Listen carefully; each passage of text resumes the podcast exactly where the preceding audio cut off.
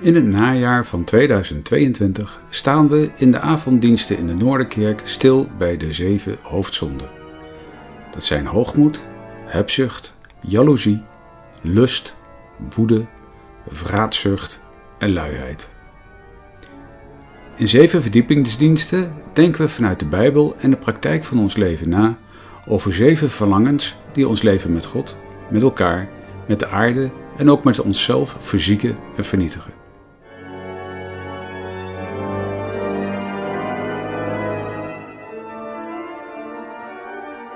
De zevende en laatste verdiepingsdienst in deze serie gaat over luiheid.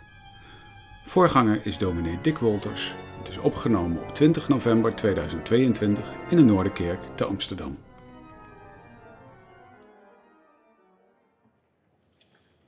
Vandaag de laatste preek in de serie over de zeven hoofdzonden. Over de luiheid willen we vandaag met elkaar nadenken. En allereerst twee lezingen uit de wijsheidsliteratuur van het Oude Testament, Spreuken 6 en Prediker 10. Spreuken 6. Misschien wel het meest bekende Bijbelgedeelte als het gaat over luiheid. Ga naar de mier, luiaard. Zie zijn wegen en word wijs.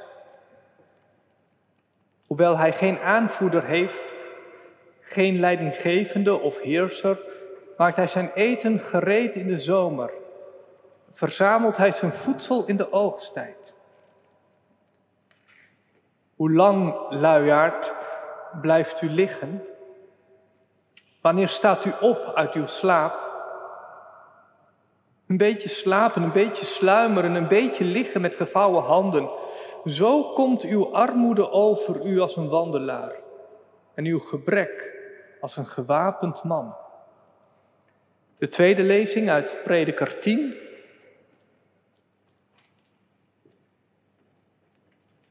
Het begint misschien wel met het tegenovergestelde. Maar daarna komt de luiheid ook weer. Een dwaas zwoegt al maar door. En dat mat hem af. Hij weet niet eens de weg te vinden naar de stad. Je bent beklagenswaardig land wanneer je koning maar een kind is en zijn raadgevers al in de morgen naar een feestmaal gaan. Je bent gelukkig land wanneer je koning een man van adel is en zijn raadgevers alleen op de gepaste tijd naar een feestmaal gaan, zichzelf beteugelen en niet dronken zijn. Luiheid ondermijnt de balken. Door slappe handen krijgt het huis een lekkend dak. Tot zover de eerste lezingen. Na de tweede lezing uit Matthäus 25 zingen we van Psalm 146, de versen 1, 5 en 8. Jezus vertelt een gelijkenis. Het is als iemand die naar het buitenland ging, zijn eigen slaven bij zich riep en hun zijn bezittingen toevertrouwde. Aan de een gaf hij vijf talenten, aan de ander twee, aan de derde één ieder naar zijn bekwaamheid. En hij reisde meteen weg. Hij die de vijf talenten ontvangen had, ging weg en handelde ermee. En hij verdiende vijf andere talenten erbij. Evenzo verdiende degene die twee talenten ontvangen had er ook twee bij. Maar hij die het ene ontvangen had, ging weg en groef een gat in de aarde en verborg het geld van zijn heer. Na lange tijd kwam de heer van die slaven terug en hield afrekening met hen. Degene die vijf talenten ontvangen had, kwam en bracht nog vijf talenten bij. En hij zei, Heer, vijf talenten hebt u mij gegeven. Zie, nog vijf talenten heb ik aan winst gemaakt. Zijn heer zei tegen hem, goed gedaan, goede en trouwe slaaf. Over weinig bent u trouw geweest, over veel zal ik u aanstellen. Ga in de vreugde van uw heer. Degene die de twee talenten ontvangen had, kwam ook naar hem toe en zei: Heer, twee talenten hebt u mij gegeven. Zie, twee andere talenten heb ik aan winst gemaakt. Zijn heer zei tegen hem, goed gedaan, goede en trouwe slaaf. Over weinig bent u trouw geweest, over veel zal ik u aanstellen. Ga in, in de vreugde van uw Heer. Maar hij die het ene talent ontvangen had, kwam ook en zei: Heer, ik wist dat u een streng man bent, omdat u maait waar u niet gezaaid hebt en inzamelt van de plaats waar u niet gestrooid hebt. ik ben bevreesd weggegaan en heb uw talent verborgen in de aarde. Zie, hier hebt u het uwe. Zijn heer antwoordde en zei tegen hem, slechte en luie slaaf. U wist dat ik maai waar ik niet gezaaid heb en van de plaats inzamel waar ik niet gestrooid heb. Nou had u mijn geld, mijn geld aan de bankiers moeten geven en ik zou bij mijn komst het mijne met rente teruggekregen hebben. Neem daarom het talent van hem af en geef het aan hem die de tien talenten heeft. Want ieder die heeft, aan hem zal gegeven worden en hij zal overvloedig hebben. Maar van hem die niet heeft, van hem zal afgenomen worden wat hij ook heeft.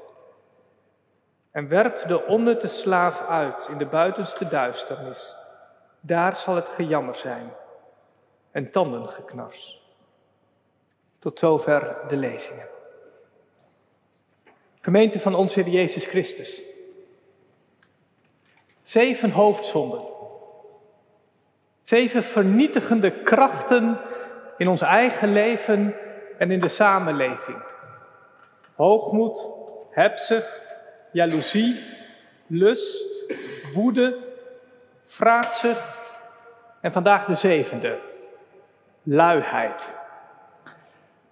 En toen ik die, dat rijtje voorbij zag komen, toen dacht ik bijvoorbeeld, nou, die laatste, dat is misschien nog wel het minst spannend van allemaal.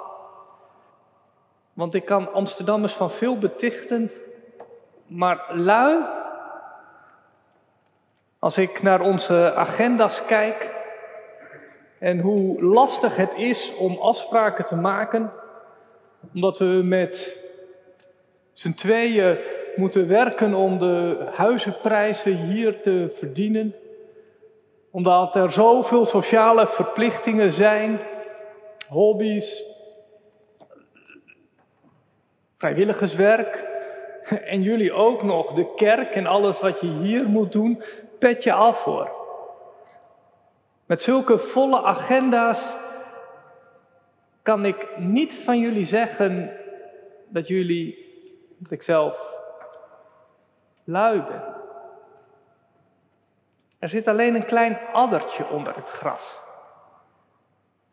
Het Griekse woord voor luiheid is akedia. En dat betekent letterlijk zonder zorg.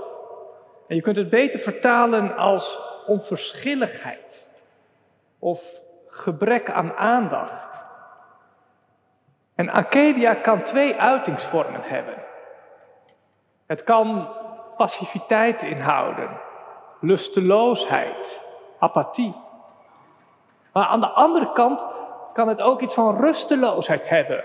Van bezig zijn met duizend en één dingen, met gebrek aan concentratie, met vluchten in van alles en nog wat, waardoor je dat ene, wat je echte aandacht nodig heeft, niet ziet. Twee uitersten.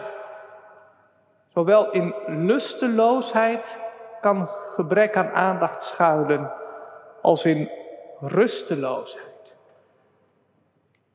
En dan komt opeens de vraag op, waarom zijn we eigenlijk zo druk bezig? En zit onze agenda zo vol? En rennen we van hot naar her? En kan het zijn dat we zo druk bezig zijn, dat het ene wat er echt toe doet, dat we dat niet zien. Esther van Venema, een seculiere psycholoog, heeft net een boek geschreven, Het verlaten individu. En daarin bouwt ze op dat boek aan de hand van de zeven hoofdzonden. En bij luiheid schrijft ze, de mens van nu worstelt met het nemen van verantwoordelijkheid voor zijn daden. Wij willen voor een paar tientjes een weekendje naar een leuke stad vliegen, maar tegelijkertijd moeten we iets met het klimaat. We willen betrokken burgers zijn, maar laten ons steeds afleiden door de consumptieve prikkels van sociale media. We verafschuwen de drugsmafia met haar geweldsdelicten, maar hebben in het weekend recht op een lijntje kook.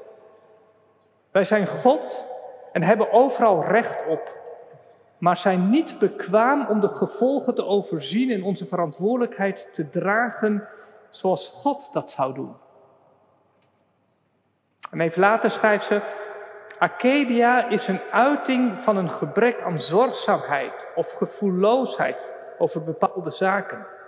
Bijvoorbeeld over je relaties, het welzijn van je gemeenschap of de wereld. Elke taak waarvoor uithoudingsvermogen en langdurige arbeid nodig zijn, kan worden ondermijnd door Arcadia. Inspanningen waarvoor de beloning niet direct voelbaar is, maar pas op lange termijn, zoals wetenschappelijk onderzoek, huwelijken of het studeren van een muziekinstrument, worden onmogelijk door Arcadia. En toen ik dat las, toen dacht ik, nou, het komt opeens wel dichterbij. Het komt dichterbij voor de jongeren die ik sprak. En die zei, ja, mijn spanningsboog heeft de lengte van een TikTok-filmpje. Komt dichterbij voor, voor die vrouw die zei, gek eigenlijk dat ik niet meer geraakt word door de vele doden die op het journaal komen en dat ik daarna gewoon door kan zappen naar een romkom en een fles wijn kan opentrekken. Of voor de politicus die ik van de week op de radio hoorde, die verschrikkelijk ageerde tegen het kabinet dat ze een afvaardiging naar Qatar stuurde, maar zelf eerlijk toegaf ook te gaan kijken. Want ja, wat kan ik eraan doen? Of voor die man die, die ik sprak en die vandaag weer zo'n dag gehad.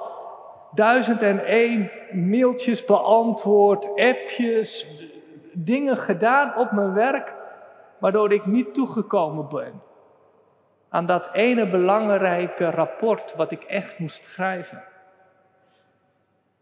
Ook de wijsheidsliteratuur van het Oude Testament, wat we gelezen hebben, waarschuwt voor beide uitersten. Aan de ene kant voor de luiaard, die zijn bed niet uitkomt. Maar ook voor de dwaas, die alleen maar aan het zwoegen en het zwoegen en het zwoegen is. De eerste zal tot armoede vervallen. En de ander die verliest volledig zijn concentratie, zodat hij zelfs de weg niet meer terug kan vinden. En prediker schrijft dan ook nog over de koning, die, die zich overgeeft aan feesten en daardoor geen oog meer heeft voor het onrecht dat zijn volk treft. Die niet de zorg heeft voor zijn volk. Die zelf de, de slingers opgehangen heeft. En er een feestje van bouwt. En de roepen aan de poort niet hoort. Ik was van de week op bezoek bij de Schalaken Koord, hier op de Wallen. Een organisatie die zich inzegt voor recht en gerechtigheid. Vooral onder prostituees. Het was een mooi gesprek. We hadden het deels over de grootheid van het probleem dat hier in Amsterdam speelt. En hoe het steeds meer verscholen raakt achter internet. Hoe met elk meisje dat uit de prostitutie wordt geholpen, er weer talloze anderen een weg vinden. We hadden het ook over, over de preventie. En hoe je zou gunnen dat de Nederlandse samenleving ook ook zou werken aan duurzame relaties en duurzame gezinnen. Waar je, waar je leert, waar je oefent. Ook in een gezonde vorm van seksualiteit. En al pratend en de grootheid van de problemen onder ogen ziend, werd ik een beetje moedeloos. En ik vroeg, hoe hou je het eigenlijk vol? Nou, zometeen meer daarover. Maar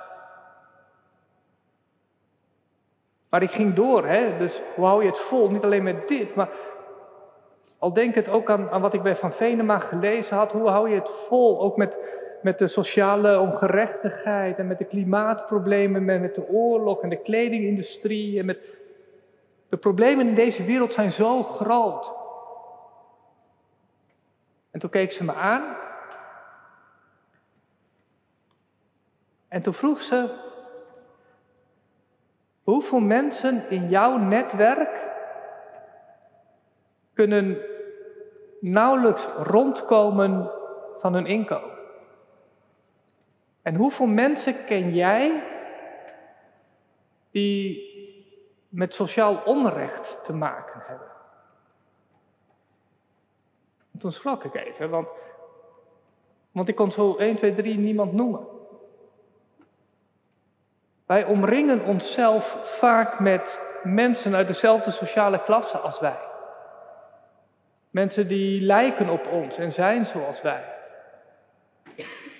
En daarmee worden de problemen altijd problemen van de anderen, van de buitenwereld, van een grote anonieme massa.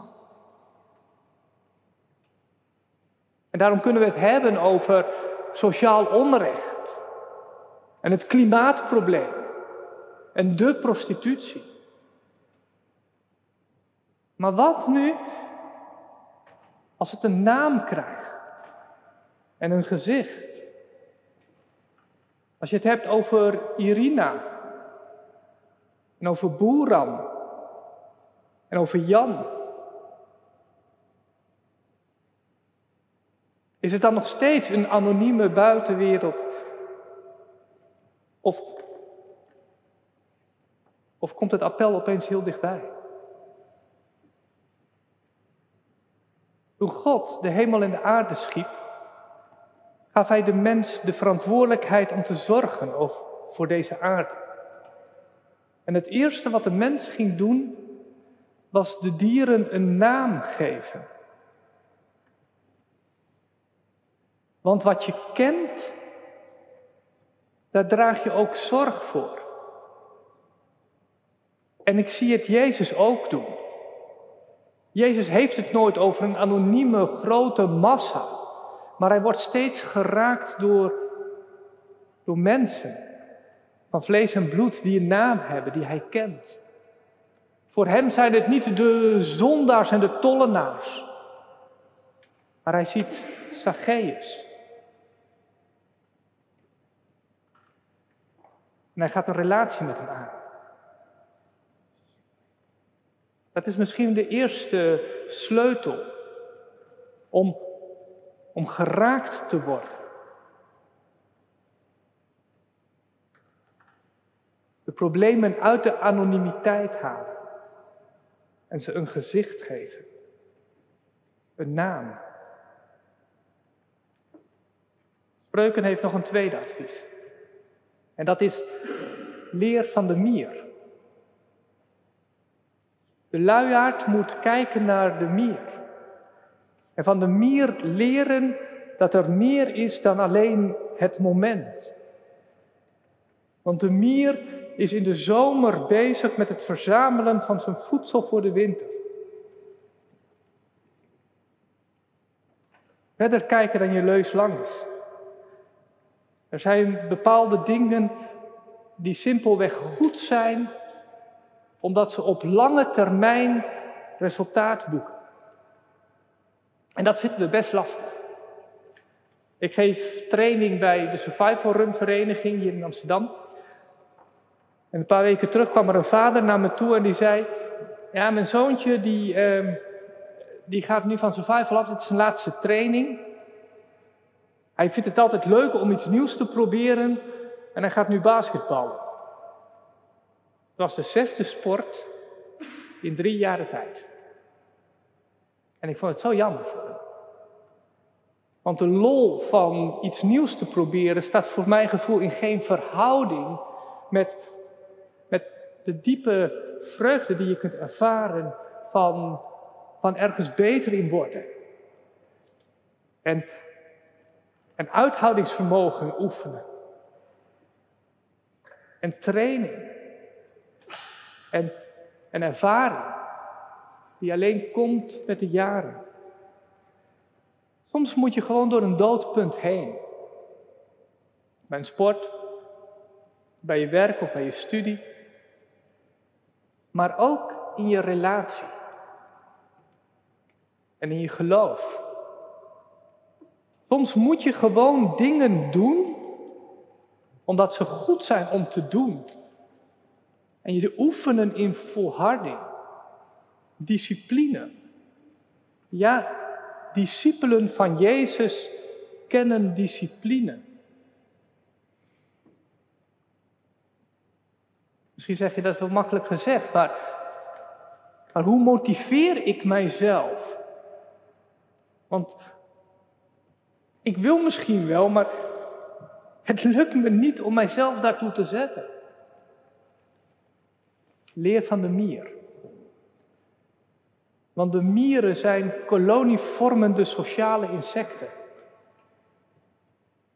Ze leven altijd gezamenlijk. De klus klaar je samen. Die zoon die had ook een vader. En die vader had ook tegen hem kunnen zeggen: niks ervan. Je hebt nu hiervoor gekozen en je blijft minimaal een jaar doen. Weet je, als je, als je jezelf ziet als een eenling, als een individu, ja, dan heb je soms geen reden om uit je bed te komen. Want waarom zou ik opstaan als ik het prima heb? Of dan is dat ene wat jij doet, misschien wel een druppel op de gloeiende plaat, heeft het totaal geen zin. Of kun je inderdaad maar beter je eigen feestje bouwen en allerlei eigen prikkels volgen. Maar je bent deel van een geheel. En dat ene blaadje wat jij met je meezult als mier, zal nooit de hele kolonie voeden. Maar moet je eens om je heen kijken. Er zijn allemaal mieren die bezig zijn en samen breng je voedsel voor de hele kolonie bij elkaar en kom je de winter door. En samen kun je elkaar ook motiveren. Elkaar soms een schop onder de kont geven. Want die heeft ieder van ons op zijn tijd nodig. Misschien herken je dat ook wel. Wist ik in ieder geval wel. Als we samen bezig zijn, dan, uh, dan is het ook veel leuker. En dan gebeurt er ook veel meer. Dan kan de ideeën van de een de weer andere ideeën bij de ander oproepen en kom je samen in een flow, ben je veel productiever. En als ik in een groep aan het werken ben, dan, dan merk ik ook dat ik veel minder snel ben afgeleid. En dat ik veel minder de neiging heb om bijvoorbeeld mijn mobieltje erbij te pakken en weer allerlei appjes te zitten controleren. Zo kun je dus Arcadia, luiheid, onverschilligheid tegengaan. Door, door het uit de anonimiteit te halen door verder te kijken dat je leus lang is, de toekomst voor ogen te hebben en door jezelf niet als individu te zien, maar, maar in een gemeenschap te plaatsen. Dat zijn de drie dingen die we in ieder geval uit de wijsheidsliteratuur van Israël kunnen leren. Het Nieuwe Testament voegt daar nog een extra element aan toe. We lazen dat uit Matthäus 25. Want je kunt je werk ook zien in het licht van het koninkrijk van God. En als je dat ziet, dan zie je allereerst wat je ontvangen hebt. Want daarmee begint Jezus. Je ontvangt talenten. En talenten in de Bijbel is een behoorlijk hoeveelheid geld. Wij maken vrij snel de vertaalslag naar onszelf en de talenten, de, de, de capaciteiten, de kwaliteiten die ieder van ons heeft.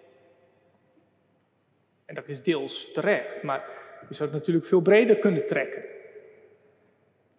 Want ook wie jij bent, wat je hebt, je gezin, je relaties, je vriendschappen, je geloof, alle spullen die je hebt, je tijd, en ook je banksaldo. Alles wat je hebt en wie je bent, heb je van God ontvangen. En daar mag je allereerst dankbaar voor zijn.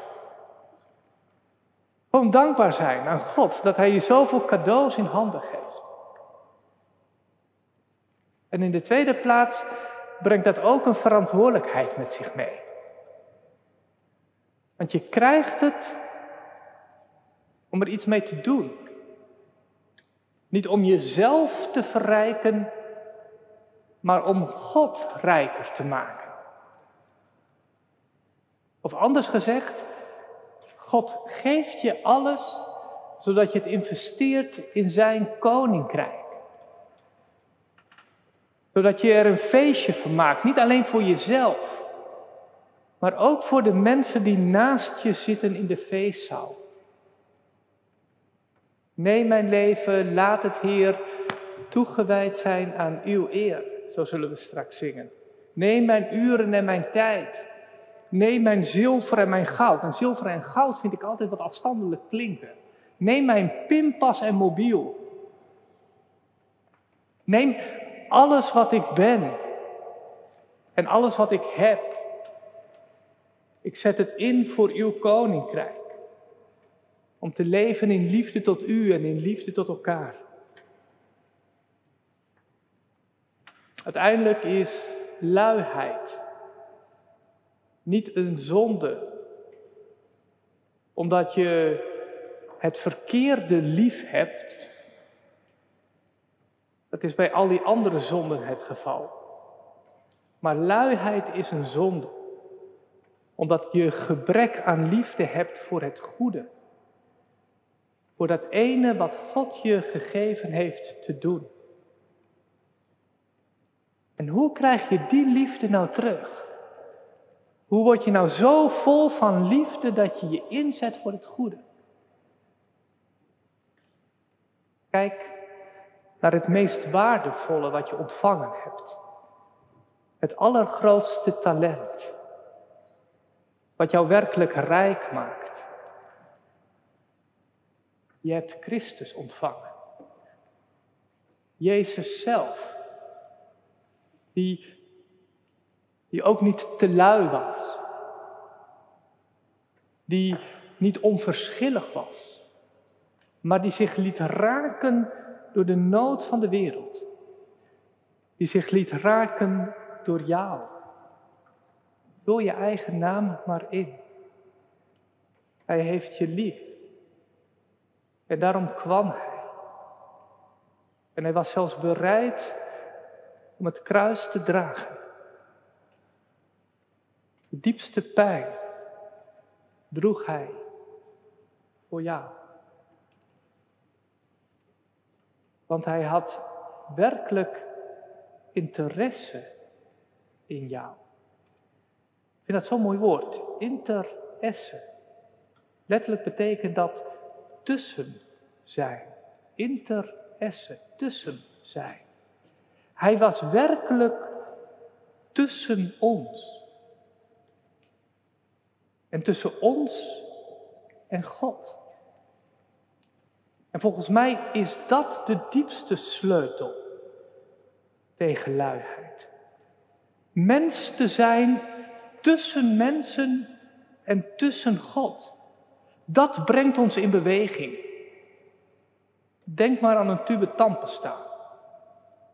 Klinkt een beetje gek misschien, een raar voorbeeld. Maar een tube tandpasta daar komt iets uit als het aan twee kanten druk op wordt uitgeoefend. Als wij geknepen worden tussen aan de ene kant de nood van de medemens en aan de andere kant de liefde van God, dan komt er iets in beweging. Kijk maar naar Jezus. Toen ik net in Amsterdam dominee was, toen uh, viel het me op dat ik elke dag moe thuis kwam. En dat had te maken met alle indrukken, alle gebrokenheid en alle pijn die ik hier in de stad merkte.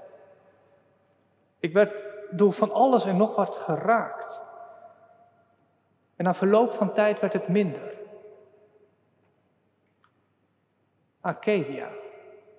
Zo zou ik het nu noemen.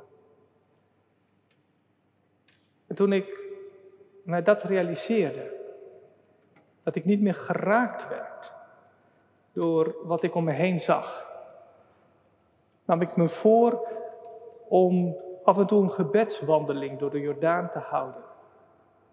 Gewoon hier doorheen te lopen, te zien wat er om me heen gebeurt, waardoor ik geraakt word en dat tegelijkertijd in gebed te brengen bij God. Omdat Hij van deze stad houdt, van de mensen die hier wonen. En vandaag wil ik dit met u delen. Want met dat ik het me voorgenomen had, heb ik het veel te weinig gedaan. Dus ik heb ook gewoon een gemeenschap nodig die me af en toe een schop onder de kont geeft. En tegen me zegt, hoe staat het er nu mee? Dus herinner me er alsjeblieft aan. En ga bij jezelf ook te raden. Wat heb jij nodig om werkelijk met aandacht, met interesse te leven? Amen.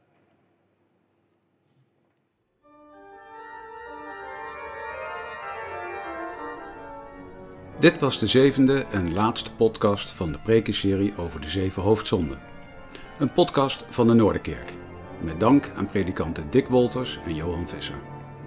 De muziek is het toccata in D-mol van Max Reger, gespeeld door Herman van Vliet op het orgel van de Noorderkerk. Wilt u op de hoogte blijven van nieuwe podcasts van de Noorderkerk? Abonneer u dan op ons kanaal. Heeft u vragen of opmerkingen over de podcast? Mail dan naar info.noorderkerk.org.